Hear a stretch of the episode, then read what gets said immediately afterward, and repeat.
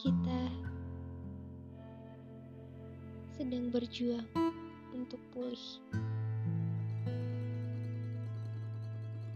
Entah dari trauma, entah dari luka, entah trauma karena orang lain, entah trauma karena diri sendiri, entah luka karena orang lain, luka karena diri sendiri, dan kita semua tidak tahu kapan kita benar-benar pulih, kapan kita benar-benar sembuh. Yang bisa kita lakukan hanya mencoba untuk sembuh. Yang bisa kita lakukan hanya berusaha pulih, mencoba,